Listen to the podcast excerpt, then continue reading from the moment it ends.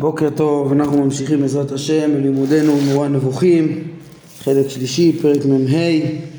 אמ, אנחנו בקבוצה בעניין המקדש. אולי נפתח בהערה משלימה לדברים שדיברנו אתמול. אתמול למדנו על עניינו של המקדש, אה, העניין של לייחד מקום, מקום מקדש אה, בראש ההר עם תפילה למערב וכל העקרונות שראינו בבית הזה שכבר אברהם ייחד אותו על פי התגלות והסיבות שהתורה לא דיברה עליו. אה, בית שאין בו פסל במרכז אלא לוחות הברית שיש בהם אנוכי ולא יהיה. אה, כל הדברים האלה אז אה, בעצם בית לעבודה לדורות לעבודת השם לקיבוע האמונה ושיש בו אלמנטים רבים שנקבעו מראש כדי להוציא מטעות עבודה זרה. זה הדברים המרכזיים שהרמב"ם נגע פה כשסביב האמירה שהרמב"ם אמר ש, שמקום זה הוא תכלית התורה בארץ אז אנחנו השלמנו שדברים נוספים של הרמב"ם מחלק ראשון שהרמב"ם תיאר איך שהשגחת השם הוא רצונו וכוונתו בבית הזה כל הימים והיו עיניי וליבי שם כל הימים. אה, בעניין הזה רציתי להוסיף הערה שכן להסביר קצת איך הדברים האלה איך, איך תיאור השגחה על המקום הזה הוא משתלב ומובן לאור תפיסת ההשגחה של הרמב"ם. כן, כי לכאורה אנחנו למדנו שהתפיסה, ההשגחה בעולם היא דווקא על המין האנושי ועל כל אדם בהתאם לרמת שכלו, כמו שלמדנו בפרקים י"ז, י"ח, בפרקי השגחה, ואפילו על בעלי חיים אין השגחה אלוהית ל, ל, ל, לשנות אה, את מקריהם בעניין, אה, כן, אה, לשנות את, את חוקי הטבע בשבילם אז מה זה פתאום שיש פה השגחה על, אה, על מקום לכאורה עצים ואבנים? עד כדי כך היה מי שרצה לומר שה, שההשגחה היא באמת לא על מקום המקדש עצמו אלא על האנשים שנמצאים בו. כן כשיש שם בני אדם כשישראל שם אז ההשגחה היא רק על, השגחה דבקה רק באנשים כן, אני חושב שאין צורך להגיע לזה, זה גם לא פשט, פשט דברי הרמב"ם הוא לא כזה, אה, אלא האופן ש, שיש להבין את ההשגחה באותו מקום, השכינה שלא זזה מהמקום, כמו שהרמב"ם פוסק בהלכות אה, במקום המקדש וכולי, כן, השכינה שהיא במשמעות, אה, כמו שאמרנו, משמעות השגחה, משמעות שש... השגחה, הפלאים שנראו שם, האור הנברא המופלא שהופיע, האש מן השמיים וכדומה, אולי גם הקול המדבר משם אה, למשה רבנו, או יש גם תיאור לאורים ותומים, איך שיש רוח הקודש מיוחדת ששורה על הכהן אה, אה, הגדול ש, ש, ששואל באורים ותומים מול הקודש. אז, אז כל הדברים האלה, ההשראה, הדיבור, ההשגחה והניסים זה, זה ביטוי להשגחה שם. האם הדברים האלה, כן, האם השכינה שלא זזה זה רק בגלל שבני אדם אה, לא זזים משם? עד כדי כך פעם שמעתי מישהו אומר, שמה הכוונה ששכינה לא זזה דווקא מהכותל המערבי? הרי אה, במהלך הגלויות הוא הסביר, אין, אה, אה, אה, ישראל לא זכו לעלות להר הבית כל כך, כן? והם היו, ישראל היו רק בכותל המערבי. וההשגחה דבקה רק בישראל שנמצאים במקום. אז איפה שישראל נמצאים במקום שם דבקה ההשגחה. אז ההשגחה לא זזה מהכותל המערב כי שם היו ישראל. לפי זה הוא אמר היום שישראל מתחילים ברוך השם לחזור לעלות להר הבית אז השכינה חוזרת לציון.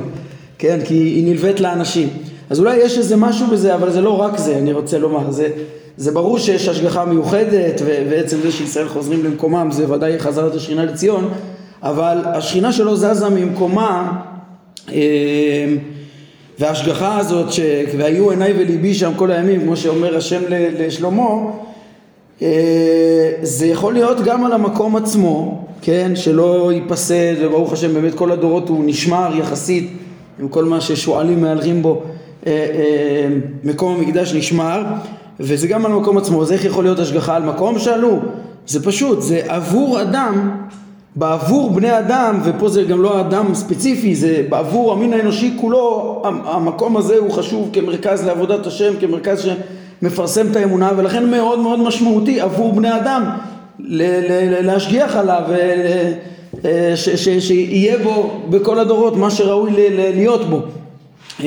ברמות רמות, מה שראוי להיות בו בגלות, בגאולה וכולי אבל בעצם זה כמו עיקרון שהוא מפורש ברמב"ם, ראינו בחלק שני פרק מ"ח לגבי הדג של יונה למשל, כן, וגם בחלק שני סוף פרק כ"ט הרמב"ם מביא דברי חז"ל שבין השאר כל העניין של הדג של יונה זה היה נס, שם החכמים אומרים שהקדוש ברוך הוא כאילו התנה מראש עם הדג של יונה שיבלע את יונה, שיציל אותו, שיקיא אותו וכולי אז הרמב"ם בפרק מ"ח בחלק שני לימד שיש, כן, הקדוש ברוך הוא יכול להניע את הדג בכוחותיו הטבעיים, כן, לבלוע את יונה ולהקיא אותו ביבשה וכולי, והקדוש ברוך הוא בעצם משעבד את הטבע מה שנקרא, כן, הרמב"ם מדבר על זה גם בהקדמה למשנה, משעבד את, את הטבע, מוביל בתוך חוקי הטבע את, ה, את המטרות הרצויות לשם הצדיק, כאילו בעבור האדם, היסוד פה, שנכון ההשגחה היא על האדם, אבל פה בטח שהיא השגחה בעבור האדם, כשזה בעבור האדם זה יכול להיות גם אה, באמצעות אה, התערבות במה שקורה בבעלי חיים ובעניינים דוממים וכדומה, כן, כן, זה אה, כמו שככה אפשר לראות באליהו הנביא נגיד שהקדוש ברוך הוא שולח את העורבים לכלכלו, אין שם השגחה על העורבים אלא על אליהו, כן, או כל מיני דברים, בחלק שני, פרק ו', הרמב"ם דיבר על המלאכים ואיך כל כוחות הטבע הם גם שליחים לעשות רצונו של מקום, איך ש... אה, יהודה הלך לתמר בגלל אה, המלאך הממונה על התאווה שהקדוש ברוך הוא שלח לו כאילו את, עורר בו את התאווה את היצר התאווה של, אה, של אישה ללכת לתמר בשביל לברוא את בסוף להוציא את מלך המשיח כמו שאומרים את פרץ וזה כמו שחז"ל אומרים. אז יש דברים שהקדוש ברוך הוא מתערב במציאות אה, ראינו אפילו בדג וכולי, אז ככה יכול להיות השגחה על המקום הזה בעבור האדם, בעבור המין האנושי כולו שייכת פה השגחה. זה הערה ראשונה. אה, כן, ככה גם אפשר להבין גם, גם בדיעבד, כי אחרי שיש מקום שהוא, שתלוי בו אה, התיקון, הדעות והמידות של בני האדם ו, וסביב המקום הזה בעצם אנשים מתעלים ומתקרבים לקדוש ברוך הוא, אז זה גם יוצר את ממילא את הקרבת השם אצל בני האדם וההשגחה מתרבה והרוממות שם מת, וכולם מתעלים וכולי וההשראה, כן, אבל גם אה, לאורך כל הדורות יכול להיות אפילו על השגחה על, על המקום בעבור האדם, כמו הבחירה האלוהית באותו מקום לדורות וכולי. זה הערה ראשונה.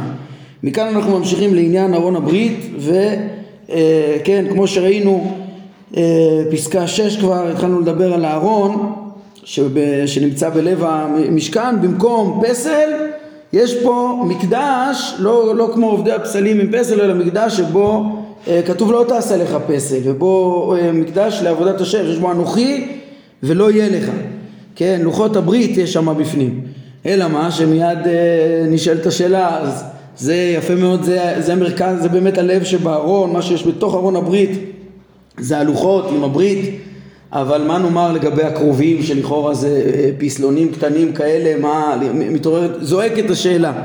אז זה מה שהרמב"ם הולך ומבאר לנו בפסקאות הבאות, עכשיו את העניין של הקרובים. אומר הרמב"ם, ידוע שהיסוד של אה, האמנה בנבואה קודם לאמנה בתורה. אם אין נביא אין תורה. כדי שתהיה תורה צריך להיות קודם כל אה, מושג של נבואה, צריך להיות אה, ערוץ תקשורת פתוח בין ריבונו של עולם לאדם שיעבור מסר אה, של תורה, של הדרכה, אז, צריך קודם כל, כדי, כדי לבסס בכלל שתהיה מציאות של תורה, תורה מן השמיים, חייב להיות קודם כל המושג של נבואה. מוסיף הרמב"ם ואומר, וההתגלות הנבואית היא באה לנביא רק באמצעות מלאך כמו שנאמר, ויקרא מלאך השם, ויאמר לה מלאך השם, כן? אה, ואלה רבים מספור. אמנם הרמב"ם מביא פה, אה, כן, ויקרא מלאך השם אל אברהם שנית מן השמיים בעקדה זה באמת אה, תיאור של נבואה בשיא מדרגות הנבואה חוץ כמו שאמרנו פרק מ"ה בחלק שני מתחת מדרגת נבואת משה שהיא למעלה מה, מהיכולת האנושית הרגילה אז אברהם זה שיא המדרגות הנבואה זה, אבל יש פה גם, הדוגמה של אגר הוא קצת, היא קצת מפתיעה, כי הרמב"ם לימד בפרקי הנבואה שלא היה לה נבואה גמורה, כן? אלא מדרגה למטה מזה, כן? איזושהי השגה, אבל לא השגה נבואית, היא לא הייתה במדרגה שיכלה ככה להתחבר לשפע האלוהי, השכלי, לגמרי, למלאכים, לגמרי, אבל אה, הרמב"ם מביא את זה כדוגמה כי זה מפורש בפסוק וגם אם זה לא נבואה ממש אז טוב אז אצלה זה עבר דרך הדמיון אה, אבל, אבל הקדוש ברוך הוא הרי אה, רצה להעביר לה את המסר אז שורש המסר הוא באמצעות כמו כל פעולה שלמדנו שהקדוש ברוך הוא פועל באמצעות הפמליה שלו חלק שני פרק ו' באמצעות המלאכים משפיע דרך הזכלים הנבדלים והגלגלים ובסוף שופעים הכוחות לפה אז גם המסרים שהגיעו להגר אפילו שהיא קלטה אותם לא בטהרתם אז אה, זה נכון שזה באמצעות מלאך וזה אפילו שזה לא נבואה גמורה, כן? אה, לפי הרמב"ם אין חילוק בין יהודי לגוי בעניין של נבואה? אה, באופן תיאורטי, מהותי, אז אין הבדל, זה, זה משהו שאמור להיות בטבע היכולת האנושית אלא שבאופן מעשי, היסטורית אנחנו רואים שהיה נבואה רק לישראל וחז"ל מספרים שזה בעקבות התערבות אלוקית גם כן אה, ניסית קצת, כן, שמשה ביקש, ונפלינו אני ועמך. וכל הדברים האלה בענייני נבואה אנחנו יודעים שזה לא רק ניסי, זה גם טבעי, זה גם בפועל ישראל, ממלכת כהנים וגוי קדוש, אז הם אה, שלמים יותר ומוכנים יותר לנבואה וכולי, אבל, אבל אפילו חכמים ב, ב, באומות העולם כמעט ולא קיבלו נבואה, כנראה אולי כמה בודדים, אה, אבל באופן מהותי זה שייך בכל אדם לפי הרמב"ם, כן. אה, על כל פנים הוא אומר, כן, הוא אומר את זה בפירוש ממש באיגרת תימן, הוא אומר שמי שמבין את מהות הנבואה ומהות כוחות האדם יכול לדעת את זה. כל פנים הרמב"ם אומר תדעו לכם יסוד, יסוד שהוא הדגיש אותו בפרקי הנבואה והוא ודאי נכון, ופה הוא מביא לו ראיות פשוטות מהמקרא אה, בהתאם לעניין פה, פה עכשיו הוא לא עוסק. בביאור העומק מושג הנבואה לכל אחד, אלא עצם הטענה שהוא מלמד גם במשנה תורה, כולם צריכים לדעת שכל נבואה על ידי מלאך, כן? הרמב"ם אומר אפילו תחילת נבואתו של משה רבנו הייתה על ידי מלאך, כמו שכתוב בסנה וירא מלאך השם אליו בלבת אש מתוך הסנה כן, אז אה, כן, פה יש מקור מפורש, דיברנו על זה בזמנו בפרקי הנבואה, שגם אצל משה היה איזה של, שלבים של דירוג בתחילת נבואתו, כן, הרי אחר כך אה, הרמב"ם מלמד שמשה רבנו השיג לא על ידי מלאך. מה זה לא על ידי מלאך? גם זה עם מעמיקים, סוף פרק מ"ה.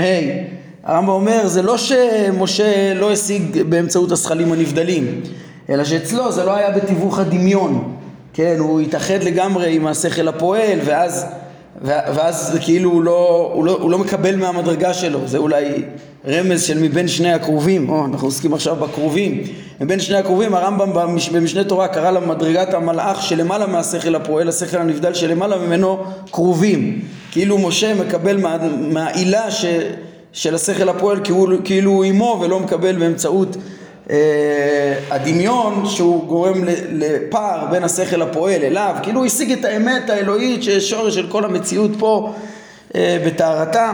על כל פנים, שוב, להעמיק בנושא הזה זה לא הנושא שלנו עכשיו, אלא מה הרמב"ם רוצה לומר, תדעו לכם, אין נבואה אלא על ידי מלאך. אז מה, מה, לאיפה חותר הרמב"ם מזה? כן, אין תורה בלי נבואה ואין נבואה בלי מלאכים. התברר אם כן, שהאמנה במציאות המלאכים קודמת לאמנה בנבואה, והאמנה בנבואה קודמת לאמנה בתורה. כן, אה, כמו שראינו גם ב, אה, בחלק שני, שהרמב"ם לפני שהוא דיבר על הנבואה, היה לו, היה לו מאוד חשוב להקדים בהרחבה בתחילת החלק, להבין מהם המלאכים. וככה הרמב"ם כשהוא פירש את אה, י"ג העיקרים בפרק חלק, אז הוא, כן, כמובן לפני תורה מן השמיים, היסוד השמיני, הוא מלמד ביסודות, ה... כן, יש לנו את אה, נבואת משה, נבואה ונבואת משה, היסוד השישי והשביעי, כן, צריך להבין קודם כל שיש מושג כזה נבואה, כי, כי, כי זה הבסיס לתורה, אם אין נבואה אין תורה, ושם ביסודות הרמב"ם כותב שכדי להבין באמת מהי נבואה הוא צריך מאה דפים, ומאה דפים בין השאר הוא כותב להסביר מהם המלאכים, כן, מהם באמת המלאכים, הם זכלים נבדלים, ואיך ואיך, ואיך אה, צריך כל כך להעריך, איך זה מתאים לתיאורים של המלאכים במקרא. זה מה שהרמב"ם עשה בתחילת חלק שני, כי חייבים להסביר קודם כל על מציאות המלאכים אם אתה רוצה להבין את הנבואה לאשורה, וכדי להעמיד את התורה חייבים ל- ל- ל- ל- להעמיד את הנבואה. אז חייבים אם כן, מה שצריך להוכיח פה זה בסופו של דבר כדי, אה, אה, אה, חייבים להכיר במציאות המלאכים כדי להעמיד את יסודי התורה. בכלל, כדי שתהיה תורה חייב להיות, להכיר שיש מלאכים, כי נבואה זה על ידי מלאכים ואין תורה בלי נבואה, כן? אז לבסס בעיני הציבור כולם את, את מציאות התורה והנבואה, חייבים קודם כל ללמד אותם שיש בעולם מלאכים. כן, ממשיך הרמב"ם ואומר, בואו נראה איך זה מגיע אלינו, להבין את סוד הקרובים. אומר הרמב"ם, וכיוון שהצווים, כל עובדי עבודה זרה של אז, לא ידעו את מציאותו של האלוה, התהדר והתעלה, וחשבו שהמצוי הקדום, הקדום, שאין חל עליו שום היעדר, הוא הגלגל וכוכביו, כן, מבחינתם האלוה המצוי הקדום, שלא חל עליו היעדר זה הגלגל וכוכביו, וששופעים ממנו כוחות על הצלמים ועל חלק מהעצים, כלומר העשירות, כן, מה זה אצלם אה, נבואה, הם האמינו בנבואה של עבודה זרה, האלוה, אה, והאלוהים זה הגלגל וכוכביו וכולי, ומהם שופעים שפעים אה, על צלמים ועל עצים, כלומר שירות, הם חשבו שהצלמים והעצים הם אשר משרים התגלות על הנביאים ומדברים איתם בהתגלות ומלמדים אותם את המועיל והמזיק כמו שביארנו לך על שיטותיהם לגבי נביאי הבעל ונביאי האשרה כמו שמפנים פה בפרק כ"ט. זאת אומרת הם, אה, הם, הם, הם בהתאם לאלוה שלהם הם המציאו גם אה, אמצעים שבאמצעותם חלה הנבואה כן הכל לפי טעויות העבודה זרה שלהם. כן אבל מכל הדעות המוטעות האלה אה, רוצה הבורא להוציא ומאחר שהתבררה האמת למלומדים ונודע בהוכחה שיש מצוי שאינו גוף ולא כוח בגוף שהוא האלוה האמיתי והוא אחד כמו שלמדנו את ההוכחות לזה בתחילת חלק שני ושיש גם מצויים אחרים נבדלים שאינם גופים והם אשר מציאותו יתעלה שפעה עליהם והם המלאכים כמו שביארנו וכמו שהרמב"ם מיד אחרי שהוא לימד על מציאות השם המשיך ולימד גם על אה, סודות המציאות שייכים למעשה מרכבה על מציאות המלאכים בתחילת חלק שני פרקים ב' עד י"ב כן? אה, ראה את זה גם בפילוסופיה גם מתוך המקורות אה, התורה וחז"ל, כתבי הקודש וכולי, אז אחרי שנודע, בשונה מהטעויות של עבודה זרה שאצלם הכל מתחיל מהגלגל והם ממציאים את הכוחות ששופעים ממנו, אז מכירים במציאות השם והזכלים הנבדלים שמכוחם, כן, מכוח הבורא הכל קיים באמצעות הזכלים הנבדלים, ושכולם למעלה מהגלגל, כל המצויים האלה חיצוניים לגלגל וכוכביו. אז אחרי שכל זה התברר, אז נודע בוודאות שאותם המלאכים הם אשר משרים באמת התגלות על הנביאים, לא הצלמים והאשרות. כן, ברגע שמבינים שה, שה, שהמקור המנבא זה יכול להיות רק הבורא יתברך והנבואה יכולה להגיע מאיתו דווקא על ידי הזכלים הנבדלים ולא, אה, ודאי שלא דרך הצלמים והשרות אה, ולא, ולא ככוחות השופעים מהגלגלים ש...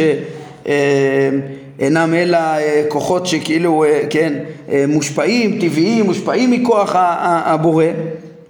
אז אחרי שזה יתברר, הרי יתברר מתוך מה שהקדמנו, כן, מזה בעצם התברר האמת, כן, אה, אה, אה, כש, כשהתבררה האמת, התבר, התבררה מציאות הנבואה לאמיתתה ולא כמו השטויות של עובדי עבודה זרה. אז הרמב"ם מסכם, הרי התברר מתוך מה שהקדמנו שהאמנה במציאות המלאכים היא באה בעקבות האמנה במציאות האלוה. כשמכירים שיש אלוה שמנהיג את הגלגל, אחר כך גם מבינים שיש גלגלים שונים ושיש סיבה ל- ל- לסיבוב כל גלגל וגלגל צריך שכל נבדל נפרד וכולי כמו שהרמב"ם מסביר פרק ד' מחלק שני כן? אז אחרי שמבינים שהאמנה במציאות המלאכים היא באה בעקבות האמנה במציאות האלוה ושבזאת מתאששות הנבואה והתורה שוב מתאששות בעצם אה, גם מבחינה אה, אמיתית, מהותית, עמוקה, מי שרוצה באמת לחדור לאמיתתה של נבואה, כמו שלמדנו בפרקי הנבואה, לא יבין בכלל מהי נבואת אמת ולא יצא מהטעויות של עובדי עבודה זרה בלי שיכיר את האלוה ואת הזכלים הנבדלים.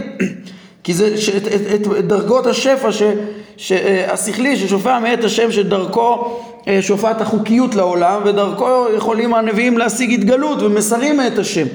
כן, לולא שהוא יבין את זה, זה, זה, זה באופן מהותי עמוק לא, לא יוכל לחדור לאמיתתה של נבואה. וגם בשביל ההמון כן, זה ליחידים השלמים. גם בשביל ההמון, הרי כתבי הקודש שמלמדים על הנבואה, מלמדים שהנבואה היא על ידי מלאכים. כן, הנבואה, השם אומר באמצעות מלאך, ויקרא מלאך השם, ויאמר לה מלאך השם וכולי. וירא מלאך השם אליו למשה ולבת אש, זאת אומרת גם, ה, גם ה, ה, ההמון כולו מתוודע על הנבואה, שהנבואה היא באמצעות מלאכים ולא באמצעות השירות.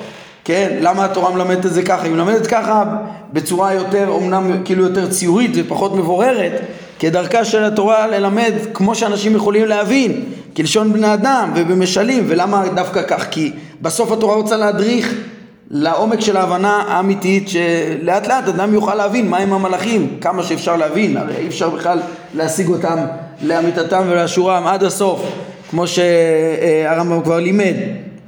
כן, אבל כן, הזכלים האלה בפועל, מדרגת זכלים שהם למעלה מהיכולת שלנו, אנחנו רק קיימים מכוחם, אבל, אבל התורה מדריכה לזה, וכל אחד לפי רמתו יבין. ובכל מקרה, הן לפי האמת והן לפי איך שהתורה מלמדת להמון, לולא מלאכים אין נבואה ואין תורה, כן? לכן כל כך חשוב ללמד על מציאות המלאכים. ומפה מגיע אה, הרמב"ם לבאר את עניינם של הקרובים, אחרי שאנחנו מבינים שמאוד מאוד חשוב ללמד את זה. אומר הרמב"ם לחיזוק האמנה ביסוד זה, אה, יסוד המלאכים, מציאות המלאכים שמאמת את הנבואה ואת התורה ממילא, לכן זה מיסודי התורה, אה, לחיזוק האמנה ביסוד זה ציווה יתעלה שיעשו על הארון צורת שני מלאכים. עכשיו שימו לב, כן, כדי שתתקבע מציאות המלאכים בהאמנת, בהאמנת ההמון, כן, צריך ללמד על מציאות המלאכים, נו בסדר תלמד, למה לעשות אה, אה, פסלונים? לא, כדי שהיא תתקבע בהאמנת ההמון, ההמון לא ידע, לא יבין את מציאות המלאכים בצורה מקובעת בנפש, לולא שיהיה גם דבר מוחשי אה, אה, ממשי, כן, וכבר הרמב"ם יגיד כמה חוכמה יש בבחירה דווקא שני כרובים כדי שיסמלו, אה, אותם שני כרובים פורסי כנפיים למעלה כדי ללמד על מציאות המלאכים באופן כללי. אבל, אבל זה כדרך שלמדנו כבר בתחילת פרקי טעמי המצוות, פרק כ"ז, איך ש...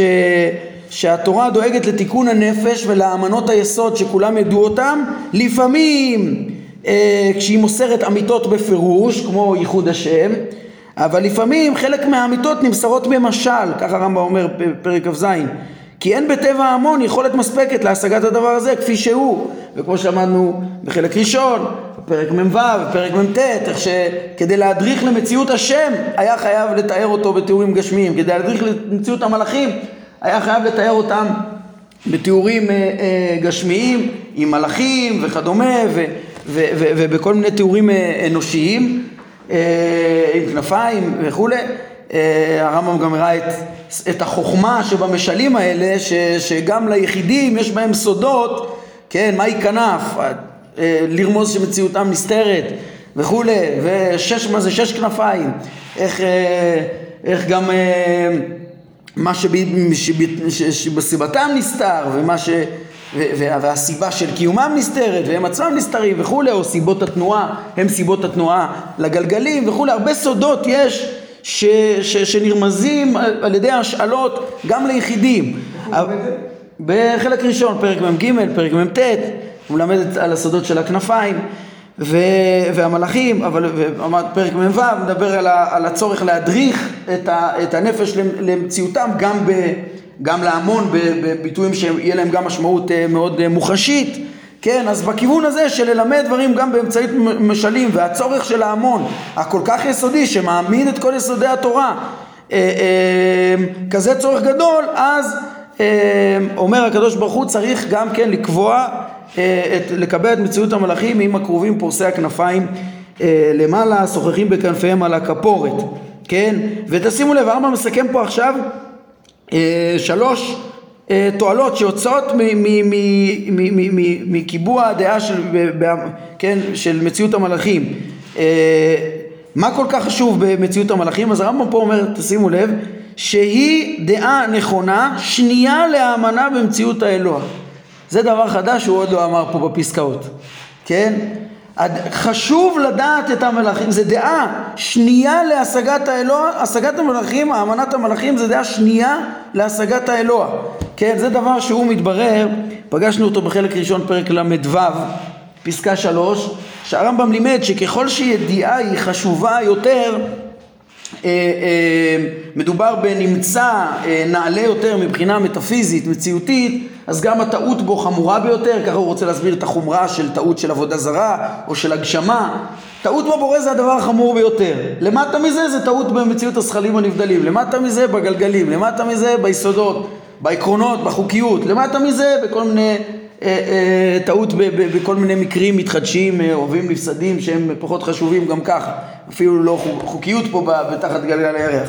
הוא מדרג שם חמש מדרגות של השגה, ובעצם זה היסוד שאפשר להבין פה, כן, אם מעמיקים במשנת הרמב"ם, בפרקי התארים למשל, כן, הרי מבינים ש, שלהשיג את השם בהשגה, בהגדרה חיובית, זה בלתי אפשרי לחלוטין. בשום הגדרה, לא השגה שלמה ולא חלק השגה ולא שום, אה, אה, אה, אין, אין בבורא חלקים שאפשר להשיג חלק, חלילה, כן? אין שום השגה חיובית, אלא איך משיגים אותו? איך הרמב"ם אומר, למשל פרק ל"ד שמה, אי אפשר להשיג את הבורא אלא מהשגת פעולותיו, כל המצויים, הבריאה. וככל שאדם ממילא ישיג יותר את הבריאה ואת החלקים היותר מופשטים שבבריאה, אז הוא יותר ייחד וידע לשלול אה, אה, הבנות לא נכונות מהבורא ולהבחין בין הבורא לברואה ויתקרב להבנה נכונה אה, לייחודו, ככה ששיא ההשגה של משה רבנו הייתה מתוך שיא השגה בעצם בשכלים הנבדלים, ושיא ההשגה במציאות הכי מופשטות והכי כאילו דומות לבורא, אין, אין דמיון, כן, כולם אפשרי המציאות ש, שנובעים מאיתו וכולי, אבל, אבל רק מי שיעמוד על מהותם וככל שיותר יעמוד אז אה, יוכל לייחד את אה, הבורא ולהבחין בינם לבין הבורא. ממילא, אז זה, זה מה שהרמב"ם מוסיף לנו כאן, זה שהתועלת במציאות המלאכים זה האמנה שנייה, כן, דעה נכונה שהיא שנייה לאמנה במציאות האלוה, זה ליחידים, זה לשלמים. בעצם זה מאוד מאוד חשוב, כן? הרמב"ם פחות הדגיש את זה, הוא ממשיך, כן? חוץ מזה, היא גם יסוד לנבואה ולתורה, ושוללת עבודה זרה כמו שביארנו. הרמב"ם יותר מדגיש את שתי הסיבות הבאות. למה? כן, פשוט. היחידים השלמים לא צריכים שיקבעו להם את מציאות המלאכים באמצעות אה, אה, אה, דמויות ממשיות של קרובים. כן, הם לא צריכים את זה, הם מבינים. זה נצרך בעיקר בשביל ההמון, וההמון לא עומד, לא, לא מתקרב לעמוד על, על, על מהותם של הזכלים הנבדלים וכדומה. כן, זאת אומרת אצלם האמנה במלאכים היא, היא בעיקר אמצעית כדי להעמיד את התורה והנבואה, זה להעמיד את יסודי התורה בצורה חיובית, וכדי לשלול את הטעויות החמורות של אה, לחשוב שהנבואה היא, היא על ידי האשרות והפסלים וכדומה וטעויות של עבודה זרה. התועלת, כן, וזה התועלת שכל הזמן הרמב"ם ממוקד פה בטעמי המצוות, ובעצם אה, אה, זה מה ששייך בעיקר במצווה הזאת, כן, שלהדריך את ההמון כולו לאמת, כמה שהם יכולים. אז הם לא מסוגלים להבחין בין, אה, אה, בשקר של עבודה זרה לעומת האמת, אבל שכולם ידעו לפחות את האמת, לפחות נמסור להם את זה, לפחות ידעו שעבודה זרה זה שטויות, לפחות ידעו, יבססו את האמונה שלהם בנבואה ובתורה על בסיס דעות אמיתיות, כמה שהם יכולים להבין שזה נבואה מאת הבורא דרך המלאכים ולא דרך הגלגל וכוכביו. אז שיאמרו את זה לפחות, ואחר כך אולי ואולי כל אחד יבין את המשמעות של הדברים, אבל קודם כל שכל ילד ידע את זה. כל ילד יודע שיש קרובים פורסי כנפיים למעלה שמלמדים על מציאות המלאכים.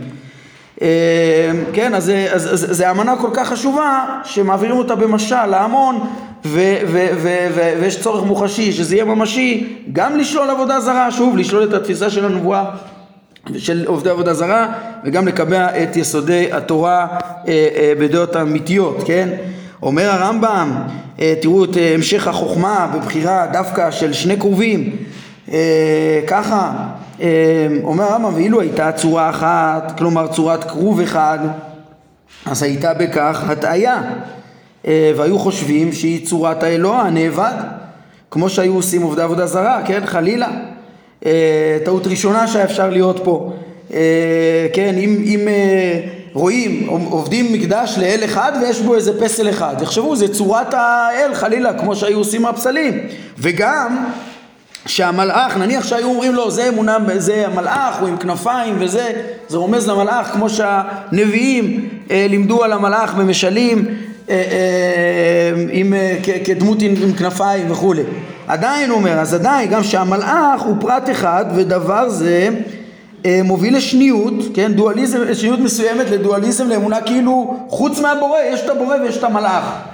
כן, חלילה, אם הוא היה אחד, אז כאילו אחד לעומת הבורא האחד, אז יש גם מלאך אחד, וזה מוביל לאמונה של שניות, ולכן אומר הרמב"ם, ולעומת זאת, כיוון שנעשו שני כרובים, אה, יחד עם האמירה המפורשת השם אלוקינו השם אחד, אז התבססה הדעה על קיום המלאכים ושהם רבים ונשמרנו מן הטעות לגביהם שהם אלוה מאחר שהאלוה אחד והוא ברא את הריבוי הזה. זה החוכמה של ככה בצורה פשוטה מוחשית אה, מצוות על ידי משלים מועבר המסר הברור כל, כל ילד לומד על השם אחד וברגע שהוא רואה שתי דמויות אה, אה, עם כנפיים אז ברור לו שזה לא פסל של השם ברור לו ש, ש, שזה מרמז למלאכים. פשוט, כן, זה, זה, זה הדימוי שגם משתמשים הנביאים לתאר את המלאכים כעפים עם כנפיים וכדומה ו, והם ריבוי, והם ריבוי, אז הם לא האלוה, זה לא פסל של האלוה והם לא כמו האלוה, אלא הם בוודאי רק מכוח האלוה, הם שניים, הם ריבוי, יש אלוה בורא המלאכים ויש מלאכים וזה הבסיס לאמנה בעצם בנבואה, בתורה, זה מסתדר גם עם זה שאנחנו יודעים שהכל היה מדבר אל, אל משה אה, מבין, אה, מעל הכפורת, מבין שני הכרובים, היינו, יש פה רמז גם שהנבואה מגיעה למשה באמצעות המלאכים, אה, במשל מוחשי כזה, כן, כשלמדנו שבאופן פנימי, דיברנו על זה ברמז, אני חושב סוף פרק מ"ה חלק שני, וכמו שאמרתי השיעור, שמשה משיג ודאי דרך הזכלים הנבדלים, כן, את הנבואה. הוא היה נכנס למקום הקודש כדי ל... ל, ל לחנך, לבסס את האמנה של הנבואה אה, שמגיעה באמצעות המלאכים וכל הדברים האלה משתלבים מאוד מאוד יפה ושם נמצא לוחות הברית, ספר התורה. אה, כשהתורה כולה קיימת מכוח הנבואה מן השמיים אה, באמצעות המלאכים כל הדברים האלה משתלבים בפשט מאוד מאוד יפה. כן, אז זה דוגמה למצווה לאמנת יסוד שאנחנו לומדים באמצעות משלים בעזרת השם בעניין הקורבנות אנחנו נראה בעניין השעירים, שעיר לעזאזל וכולי עוד דברים ש, שהתורה עושה דברים שהם משלים בנפש או גורמים עושים איזה חוויה להמון שמועילות לתשובה, מועילות ל, ל, לביסוס האמנות הנכונות ומה שצריך.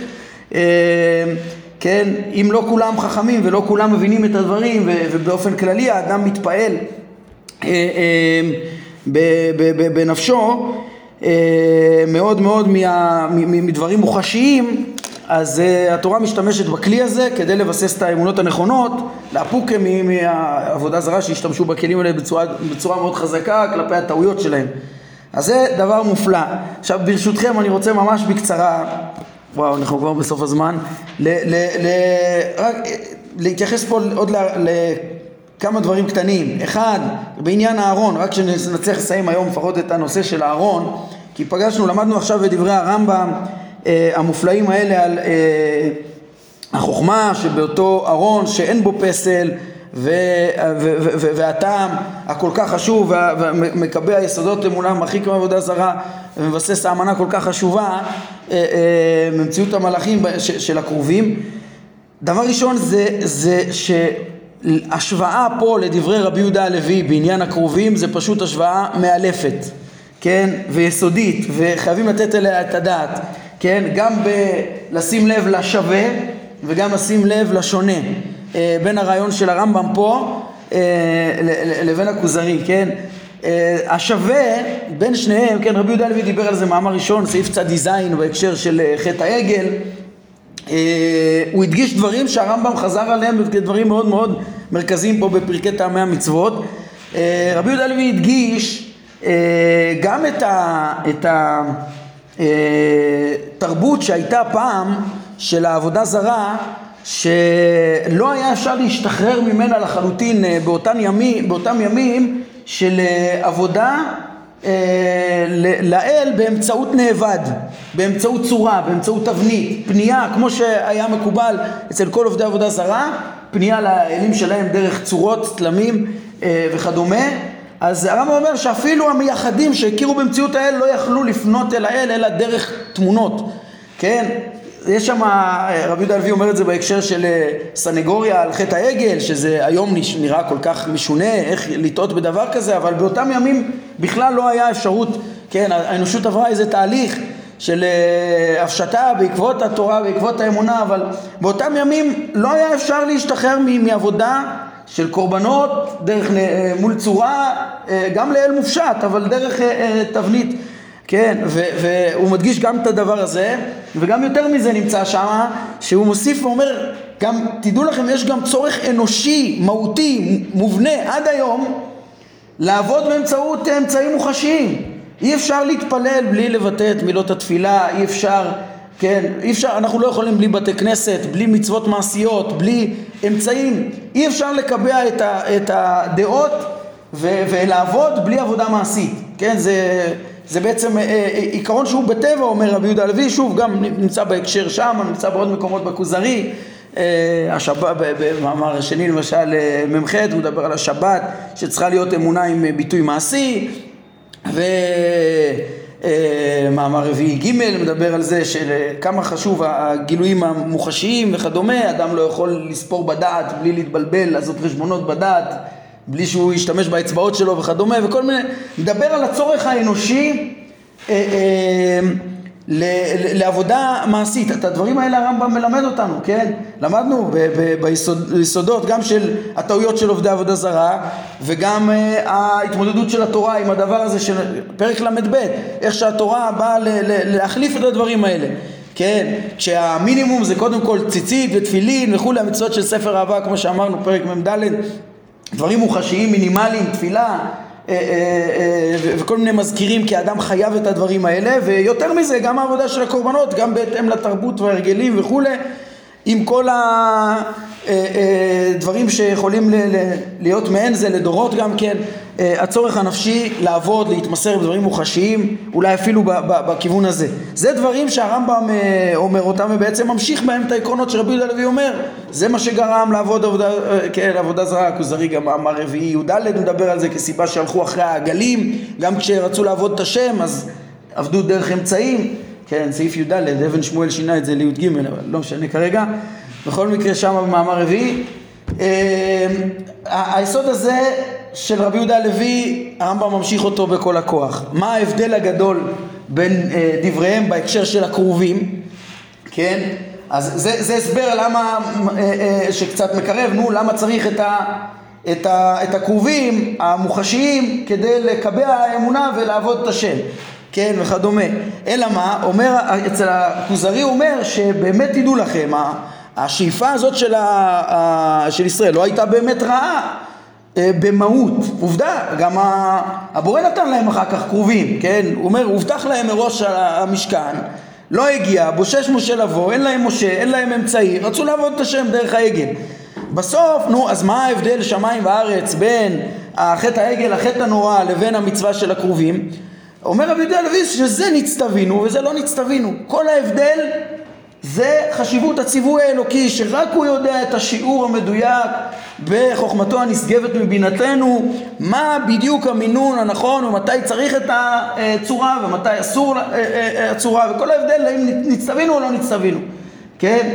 זה בעצם ההבדל אצל רבי יהודה הלוי ובהתאם לדרכו זה מה שמבחין בין הממרה לבין עובד השם המאמין, האם הוא עושה בדיוק את הציווי או לא עושה בדיוק את הציווי, וההבחנה היא בכלל לא ביכולת בני אדם. כן, לכאורה זה נראים מבחינה שכלית, זה אותו דבר, מה ההבדל? אז הוא מקרב את הצורך האנושי בדבר, ואומר אבל זה שאתה לא יכול, עד שאתה לא יודע את הפירוט, אתה לא יכול לעשות שום דבר מעצמך, וכל התורה והמצוות כולם, מצוות נשגבות מבינתנו, אה, אה, אה, ש... כן, אבל זה, ש, ש, ש, ש, שרק חפץ הבורא יקבע מה יועיל ומה אה, תשרה שכינה בעקבותיו ומה יזיק ו, ו, ו, ו, ו, ויגיע המגפה בעקבותיו. מה, זה ההבחנה, האדם לא מסוגל ורק הבורא יודע. זה היסוד אצלו שכל, ה, כן, במצוות האלוהיות שהשורש שלהם, שלהם זה כמשל הכסיל וכולי, זה, זה שהם אה, חוקיים נשגבים מבינתנו. אבל לעומת זאת, תראו, תראו איזה יופי, הרמב"ם שכאילו לקח את ה... את ההבנות הבסיסיות מהכוזרי ולשיטתו במחלוקתם הזאת בפרק, ראינו פרק ל"א שלפי הרמב"ם כל המצוות הן דווקא בתחום התבונה. אז אין דבר כזה שאנחנו נגיד שזה אותו דבר אלא זה השם רצה וזה השם לא רצה. זה לא מספיק להגיד השם רצה, השם לא רוצה סתם, השם רוצה בגלל טעמים. ומה שהוא יקבע יהיה לזה תועלות מפורטות ויסודיות וחשובות, בטח בדבר כזה עדין, כן, של... אז, אז כל כולו יהיה להוציא מעבודה זרה בהתאם לצורך האנושי לדורות ובהתאם ל... ליכולת ההמון לדעת וכדי לקבע את יסודות האמונה הכל כך חשובים ויסודות התורה וכולי. אז הרמב"ם מוסיף טעמים כי אצלו ההבדל הוא לא זה נצטווה וזה לא נצטווה זה רבי יהודה לוי לשיטתו אבל הרמב"ם לשיטתו הסביר את הטעמים שראינו. אז זו השוואה מאלפת ממש שווה לקרוא ולראות איך הדברים האלה ממש איך הרמב"ם לוקח, כאילו הוא מבוסס על דברי רבי יהודה הלוי, אבל מפרש אותו ומוסיף את הקומה שלו, הקומה שמסבירה את ההבדל ולא רק אה, אומרת אה, זה נצטוו וזה לא נצטוו. אה, שתי הערות אחרונות זה ביחס להרחבות שיש כאן. יש כאן שתי הרחבות שרציתי להתייחס אליהן.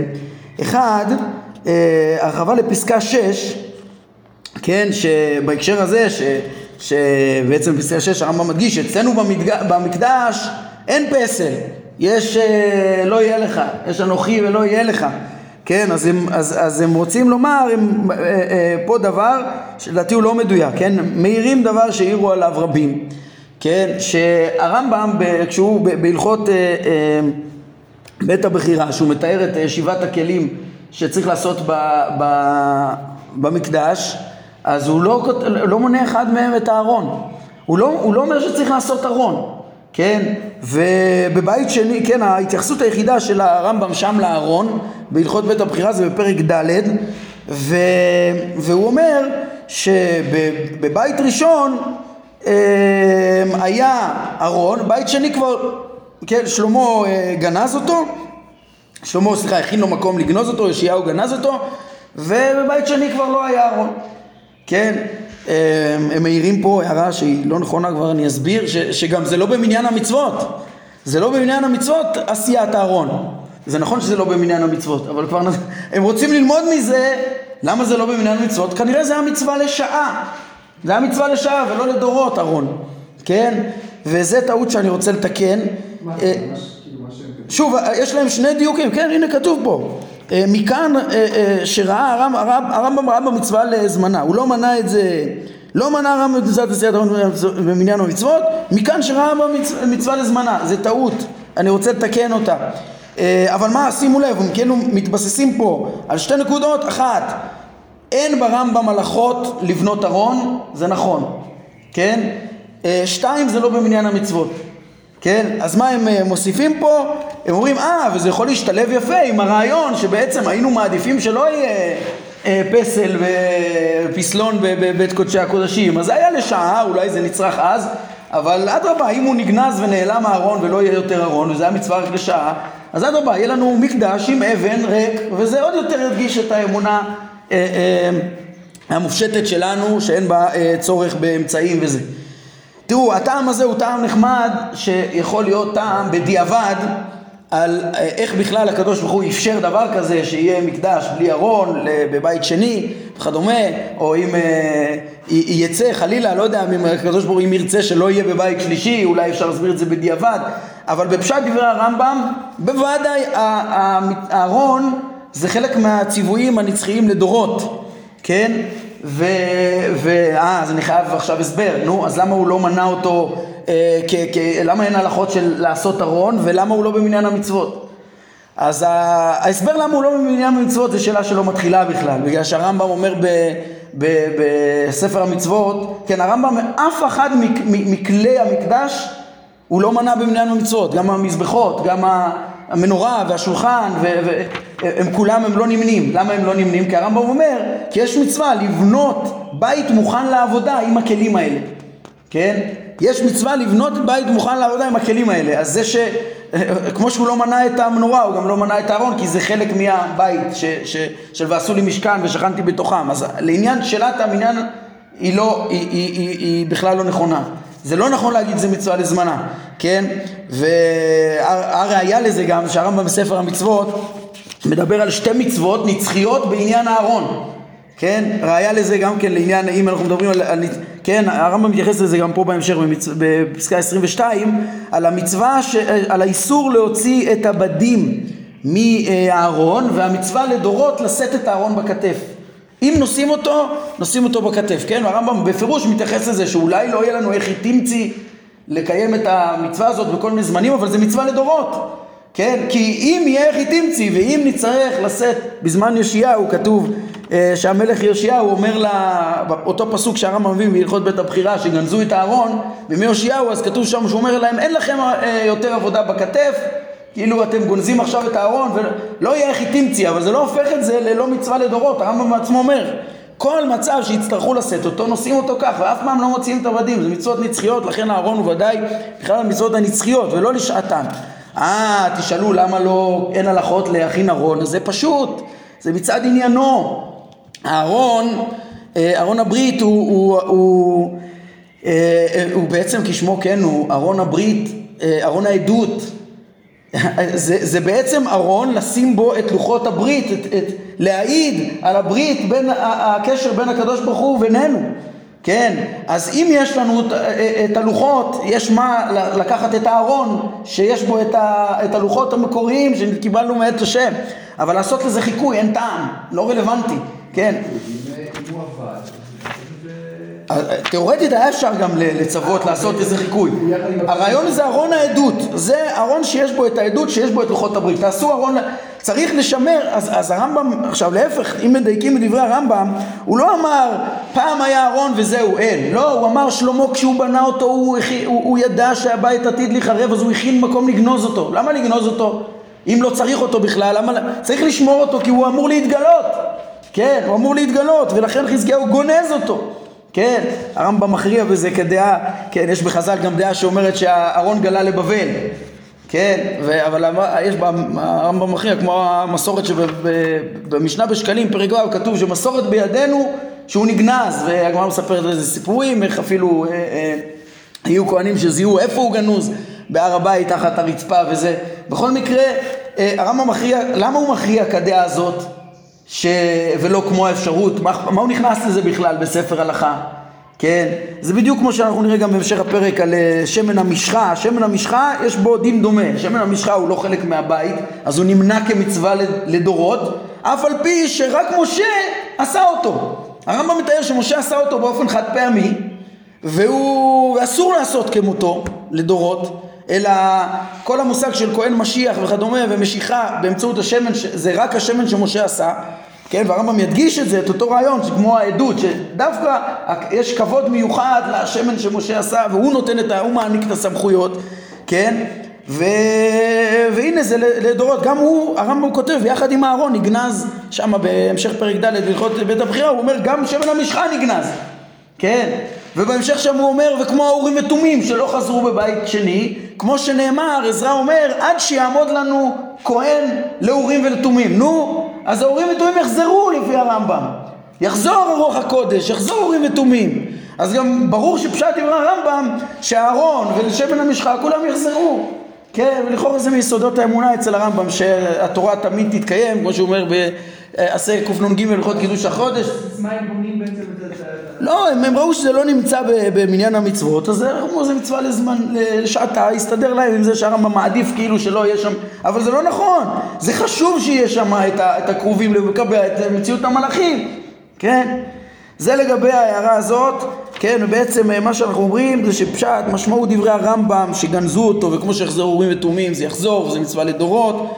ושוב, הטעם הנחמד שהם הביאו פה זה טעם שיכול להיות בדיעבד, איך, ה, איך מתבססות האמנות האלה, אה, אה, בעצם איך מתבססות האמנות האלה כשאין ארון ואולי איזה יתרון יש כשאין ארון, אולי גם זה עצות מרחוק, הקדוש ברוך הוא יכל לעשות שימצאו את הארון בבית שני, באמת קצת פלא איך לא מצאו אותו, זה הרי הוא היה מוחבא שם, תחפשו, תמצאו, אז יכול להיות שיש בו השגחה אלוקית, יכול להיות שזה עזר להפשטה של האמונה, אבל אבל באופן עקרוני זה מצווה לדורות וזה נגנז על מנת שיימצא כמו האורים לתומים וזו מצווה שהיא מן התרי"ג ודחינו את הראיות שלהם. מכאן אנחנו מגיעים גם להערה השנייה שבה הם אה, עוסקים פה בכמה דברים. דבר ראשון זה בשאלה אה, איך ההמון נחשף בכלל למציאות הקרובים, הרי הם טמונים וחתומים, אה, שאלה ששאל הרב קפח, כן, בקודש הקודשים, מי רואה אותם? כהן גדול פעם בשנה וזהו, אז מה אתה עושה את הפסלונים האלה? אז הרב קפח מתרץ תשובה פשוטה, שהרי כולם לומדים מה יש שם, ולומדים על הציווי, ויודעים מה יש שם. מתוך הציווי, יודעים מה יש שם, וזהו, אדרבה, זה גם כן מופשט כזה, הם לא רואים את הדברים האלו, אלא רק uh, הציווי עצמו מלמד על מציאות המלאכים. זה uh, uh, תשובה של הרב קפח לשאלתו, ואפשרות שנייה הם מביאים את מה שגמרא מפורשת ביומא מספרת, כן, שעולי הרגלים בזמן שהיו עולים לרגל היו מגוללים את הפרוכת והם היו, היו מראים להם, כנראה שיש איזה זווית מעזרת ישראל שעוד היו יכולים לראות את הכרובים וממילא היו רואים את זה. זה ככה תשובה שנייה שהם אה, השיבו, כן, איך אה, אה, היו מראים להם, מראים להם חיבתן לפני הקדוש ברוך הוא ופה אני, אני מגיע להערה האחרונה, לנושא האחרון שמתייחסים פה זה, זה בעצם, כן, באותו מאמר, באותו תיאור שמופיע בגמרא ביום הנ"ד, אה, שבשעת עלייה לרגל גללו את הפרוכת והראו להם את הכרובים שהיו מעורים זה בזה, אז יש תיאור כזה שהכרובים היו מעורים זה בזה ואומרים להם ראו חיבתכם לפני המקום כחיבת זכר עם נקבה, ככה כתוב שם, כן, אז פה יש נושא שצריך לדון בו, אה, אה, למה הרמב"ם מתעלם מהדבר הזה? הרמב"ם מתעלם מהדבר הזה ואני רוצה לפרש אותו על פי דרכו של הרמב"ם, כן, אה, ובזה לסיים. אה, לפרש אותו על פי דרכו של הרמב"ם, אה, כשיש פה כמה נקודות לשים לב אליהן, כן, כאילו צריך לשים לב, הרמב"ם כאילו נותן פה לכאורה הסבר למהות הכרובים שונה ממה שאומרים פה חז"ל, חז"ל מתארים שהכרובים מסמלים את חיבתם של ישראל לפני השם, כאילו זה, כאילו זה הקדוש ברוך הוא וישראל, כן? ומעורים זה בזה כזכר ונקבה. למה הרמב"ם לא הביא את הטעם הזה, מתעלם ממנו? ואני רוצה להראות לכם איך שזה ממש משתלב בצורה מופלאה עם, עם דעת הרמב"ם. אבל לפני כן, יש פה עוד נקודה שהם העירו עליה, שאני חושב שהיא נקודה אה, נכונה, אה, שגם אליה צריך לתת את הדעת, שהתיאור הזה של ראו חיבתכם לפני המקום כחיבת זכר ונקבה ומעורים זה בזה הוא לא פשוט בכלל אה, באופן כללי ובטח לא למשנת הרמב"ם. הם מציינים פה בשם המאירי שמעורים פירושו כנראה לפי הרמב"ם רק דבקים זה בזה בחיבור הכנפיים. ככה הם מביאים בשם המאירי. ולא ממש מחובקים ובטח לא ממש מחוברים כזכר ונקבה. כן? וזה בשונה ממה שרש"י במקום אומר ונגיד יותר מזה זה בשונה מפשט הגמרא. פשט הגמרא חד משמעית הוא שמעורים זה מעורים לפחות מחובקים לגמרי כזכר ונקבה ואפילו מחוברים, כן? איך אני יודע את זה שזה פשט הגמרא? כן? כי הגמרא דורשת את זה, מאיפה הגמרא מביאה לזה מקור? מכמר איש ו- ו- ולויות, כמה, כמו שאיש מעורה בנערה, בכלה שלו, הנלווית אליו, וזה כאילו כחיבור ממש של זכר ונקבה, וכן הגמרא דורשת אה, אה, פסוק באיכה אה, כל מכבדיה הזילוה כי ראו ערוותה אז, אה, אז חז"ל אומרים בזה שבשעה שבאו אה, נוכרים להיכל ראו כרובים מעורים זה בזה והוציאום לשוק אמרו מה זה? אלו שברכתם ברכה קללתם קללה בזה הם עסוקים? ודורשים את זה על מה? שוב ראו כרובים מעורים זה בזה בהקשר של כמר איש ולויות וכי ראו ערוותה נו, זה, זה, יש יותר אה, אה, חד משמעי מזה, אה, מה המשל פה ש, ש, שאומרים חכמים, כן? אה, לכאורה פשט דברי חכמים זה שזה ממש חיבור, אלא מה? שאיך, אה, שיש בזה בעיה גדולה, כן? יש בזה בעיה גדולה בכלל ובמשנת הרמב"ם בפרט, כן? הרי להגיד, ש... איך הם אה, כותבים פה? להגיד שמתואר שהיה בין הקרובים יצ... הצגת יחסי האישות ביניהם אה, אז אה, הם כותבים פה, זה דבר הרי מרוחק ביותר ממטרות התורה גם מחוץ למקדש, להסתכל בדבר כזה. כל שכן במקדש, ואף סותר את פשט לשון המקרא. לא אבל הם אומרים שהמדרש אומר היו גוללים את הפרוכת שיראו את הכרובים מעורים זה בזה.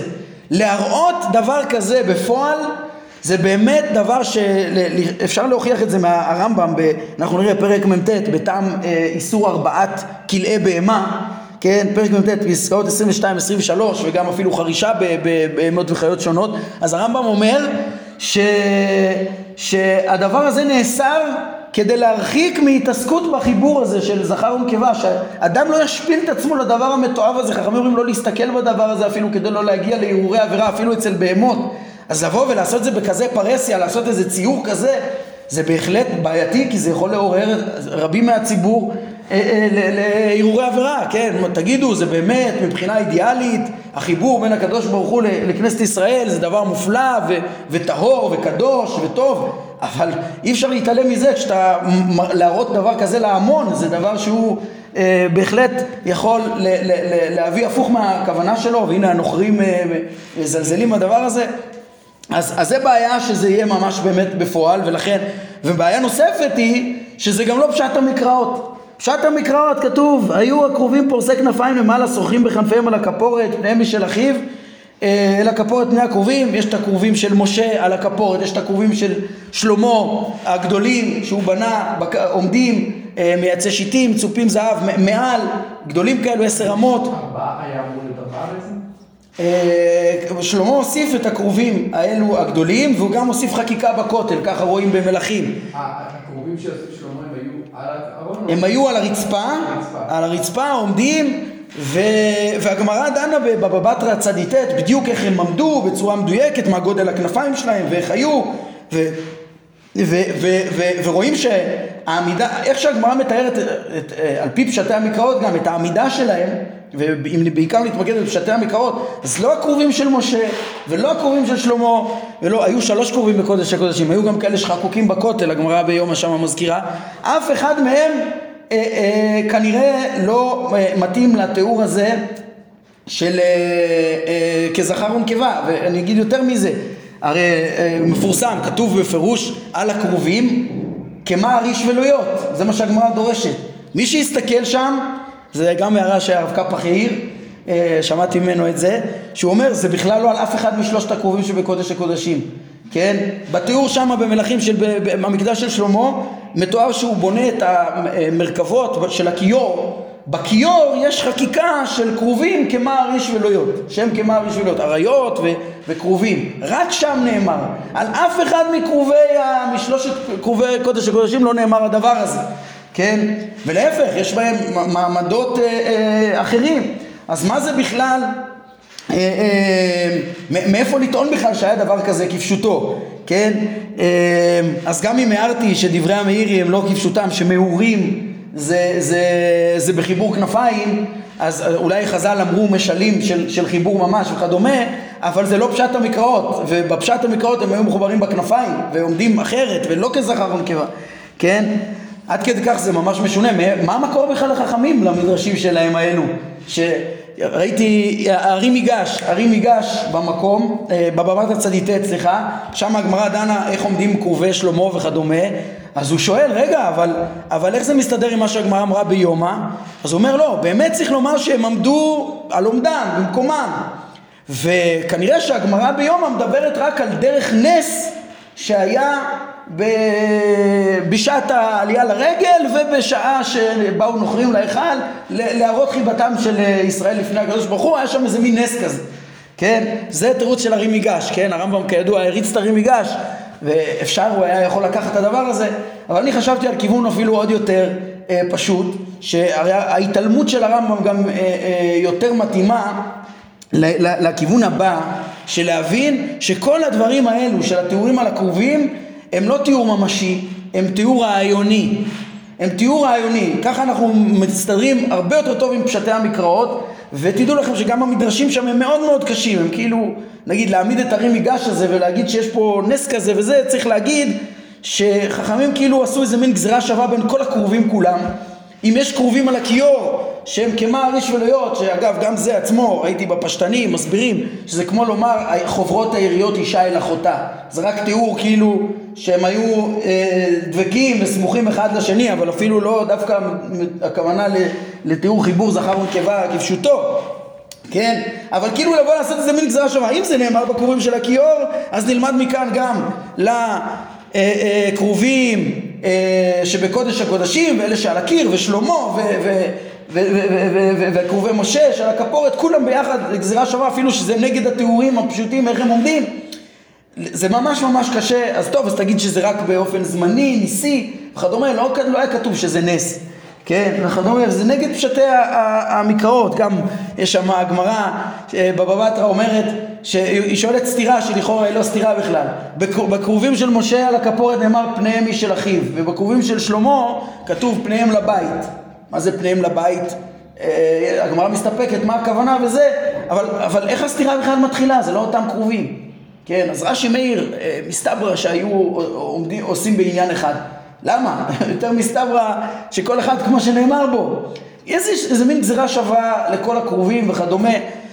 אבל אני חושב שממילא, אה, אה, לפי ההסבר של הרמב"ם, שדווקא מתעלם מהרעיון הזה, אפשר להבין שהכל רעיוני. הכל רעיוני, ואז אנחנו נראה שזה משתלב עם הרעיון שהוא אומר לחלוטין. אפשר להשאיר את כל הכרובים על עומדם, בלי הדבר הזה. למה? איך זה מסתדר? איך הטעם של המלאכים, של הכרובים המרמזים המלאכים, משתלב עם הטעם של חיבתם של ישראל לפני המקום, אה, כזכר ונקבה, אה, והכל רק רעיוני. שוב, השתיקה של הרמב"ם אומרת שזה רק רעיוני, והכל נשאר על, על פשוטו ואנחנו ניתן טעם פשטי וזה. איך זה משתלב? זה משתלב נפלא ביותר. כן, אה, כמו כל הקושיות שאמרתי, הם אומרים, זה לא כפשוטו, אלא מה? נגיד החז"ל אומרים אה, על הסתירה, פניהם איש של אחיו, או, או פניהם לבית, שזה ההבדל הוא בשעה שישראל עושים רצון, רצונו של המקום, פניהם של אחיו, בשעה שלא, פניהם לבית. כן, אפילו שזה בעצם קרובים שונים, אבל הרעיון הוא שהכרובים מבטאים את הקשר לריבונו של עולם. אם נעמיק בדברי הרמב"ם, הדיבוק בינינו ובין השם זה דרך הזכלים הנבדלים, הקשר של נבואה. זה הקשר ש, שדרכו ההשגחה ודרכו הנבואה ודרכו ההתעלות של האדם, זה הדיבוק בינינו ובין השם כמו שנלמד בפרק נ"א. הקשר של ישראל הולכת כהנים וגוי קדוש זה באמונה הטהורה ששם שהיא דרך הזכלים הנבדלים ו- ו- ו- ו- ועל ידי שיש אצלנו את אמונת האיחוד ואת האמנה במלאכים השניים לאיחוד אנחנו ממלכת כהנים וגוי קדוש ואין עבודה זרה שם הקשר, הקשר השכלי הרוחני באמצעות הדבר הזה, באמצעות שם, שם הכל מדבר אל משה בין, בין שני הכפורת. אז, אז הקרובים האלה שיש בהם את התורה ויש שם את הברית, הברית והקשר, לוחות הברית, הקשר על ידי התורה, לא על ידי פסלים, לא על ידי דמיונות. זה הקשר בין ישראל לריבונו של עולם בבית המיוחד והגדול הזה, קשר אמיתי, לא לשטויות. כן? אז זה הקשר. אז חז"ל משתמשים בביטוי, במשלים של כמו שיר השירים. יש לי ראייה גם שכל העניין הזה שם הוא ממש כאילו על פי המשלים של שיר השירים שהרמב"ם אומר על שיר השירים גופו שהמשל של האהבה בין איש לאישה זה רק משל בין הדוד לראייה זה רק משל האהבה שבין ישראל לאביהם שבשמיים כן זה, זה, זה, זה, זה משל של בין האוהב השם אה, האדם להשם, כמו שהוא אומר בהלכות תשובה, כן? אה, כל שיר השירים כולו הוא משל לעניין הזה, לקשר של האהבה, של ההשגה בין ישראל לקדוש ברוך הוא, כן? אז יש לי ראייה מזה שהגמרא ביום השמה, כן, יש שם פסוק גם כן שמדבר על, על הבדי אהרון, שהם היו דוחפים קצת את הפרוכת ובולטים כדדי אישה. אז מביאים שם פסוק משיר השירים, כן, ש, שנאמר צרור המור דודי לי בן שדי ילין. מה המשמעות של הדבר הזה? ש, שאהרון מבטא כביכול את ישראל, אותנו, זה העבודה שלנו, שמאמינים בקדוש ברוך הוא, והוא משרה שכינתו אצלנו. הדוד שרואה ב, כאילו בין בדי אהרון, אנחנו כדדי אישה, כי יש פה קרבה בין הדוד לראיה. כן, יש פה את השראת השכינה, יש פה את הקול המדבר אליו, יש פה את ההשגחה שדיברנו עליה בתחילת השיעור. כן, זה מקום הקשר. זה המשל ש, שיש פה ב, ב, בדברים האלה, והוא לא מוציא שום דבר מפשוטו, כן? וככה הגמרא שמה עוד משל שדומה לזה, הגמרא אומרת, שוב, עם... עם, עם אה, אה, הגמרא אומרת שאיך בכלל, מקשה על המאמר הזה, איך בכלל ראו ישראל את הארון, איך גללו את הפורת, הרי ראינו עכשיו פרשת במדבר, כתוב לא יבואו לראות כבלה את הקודש ומתו, אפילו אה, בני קהת שנושאים את הארון לא יכולים לבוא לכלים לפני שיכסו אותם, אסור לראות אותם זה חלק מהרוממות שלהם, מה זה, מה, מה, מה, מה העניין? כן, אז הגמרא אומרת, אה, יש הבדל בין המשכן למקדש. במשכן המשל הוא כזה, המשכן זה היה מצב של ככלה בבית אביה שהיא צנועה מבעלה. ו, ובמקדש ה, ה, ה, אז המצב היה ככלה בבית חמיה שהיא כבר לא צנועה מבעלה. עכשיו תשימו לב, היופי פה זה שאני רוצה לפרש מיהו הבעל, אה, אה, ראיתי שרש"י מפרש כאילו הבעל זה ישראל, כן, אבל אז זה לא מתאים לצרור המור דודילי בן שדי הקדוש ברוך הוא, הוא מתאים להיות הבעל, כן, ואנחנו אנחנו מבחינת הכלה, כן? אז באמת אפשר לפרש את זה גם ככה. אפשר להגיד שבמשכן עוד לא היה קשר גמור, היינו בתחילת הדרך, כן? ולכן אה, אהרון היה מכוסה והיו מכסים אותו, ובמקדש היו גם מגלים ורואים את הכרובים. איך עומדים? כמו שאמר המאירי, מעורים רק בכנפיים. אבל מה המשמעות הייתה? להראות את החיבה, את הקשר שיש לנו, את האמונה שלנו כחיבת זכר ונקבה. זה לא ראו את זה באמת, אז אין פה את הבעיה של הרהורי עבירה וכדומה. כן, זה היה שיר השירים היה שם. בלי שיהיה בפועל משהו שמעורר הרהורי עבירה. זה היה התעלות רוחנית והשגה של, של, של, לכולם היה ברור, וואי, ריבונו של עולם מדבר למשה מבין הקרובים האלה, יש פה קשר, יש פה דבקות, כן? זה בעצם הרעיון, כן? אה, ש, ש, שכל התיאור, כאילו, כן, הגמרא גם מקשה הרבה קושיות טכניות, איך בכלל אפשרי, מתי זה היה, בית ראשון, בית שני, באו נוכרים, לקחו את, ה, את הארון, הארון היה רק בבית ראשון, נכון? אבל, ו, ו, ולכן כשבאו נוכרים ולקחו אותו החוצה, אז, אז רגע, אבל, אבל אנחנו פוסקים כדעה שהארון במקומו נגנז, ונוכרים לא לקחו אותם, בבית ראשון לא לקחו את הארון. בקיצור, כל מיני בעיות יש שם, כדי ש, שמקשות, זה לא היה בפשט, אלא מה? הכל מעין שיר השירים לבטא את הקשר, חיבתן, כמו שהמדרש אומר, חיבתן של ישראל לפני הקדוש ברוך הוא, והחיבה הזאת היא לא בדיבוק הטכני הזה שבין איש לאישה, זה באמת פשט דברי חז"ל אמרנו, אבל כמו, ש, כמו שזה הפשט של שיר השירים, אבל העומק זה הקשר עם ריבונו של עולם, וזה בדיוק מה שהרמב"ם לימד אותנו פה. בהתעלמות שלו, מה הקשר שלנו לריבונו של עולם ואיך זה מבטא את הקשר, איך זה מלמד את כולם את הקשר באמצעות שמלמדים על מציאות המלאכים, הקשר באמצעות הזכלים הנבדלים, שדרכו ההשגחה והשכינה במקום הזה והכל מדבר והשגחה וזה עיניי וליבי שם כל הימים. הארכנו היום אבל היה דברים חשובים ובזה נעמוד אה, להיום ברוך אדוני לעולם אמן ואמן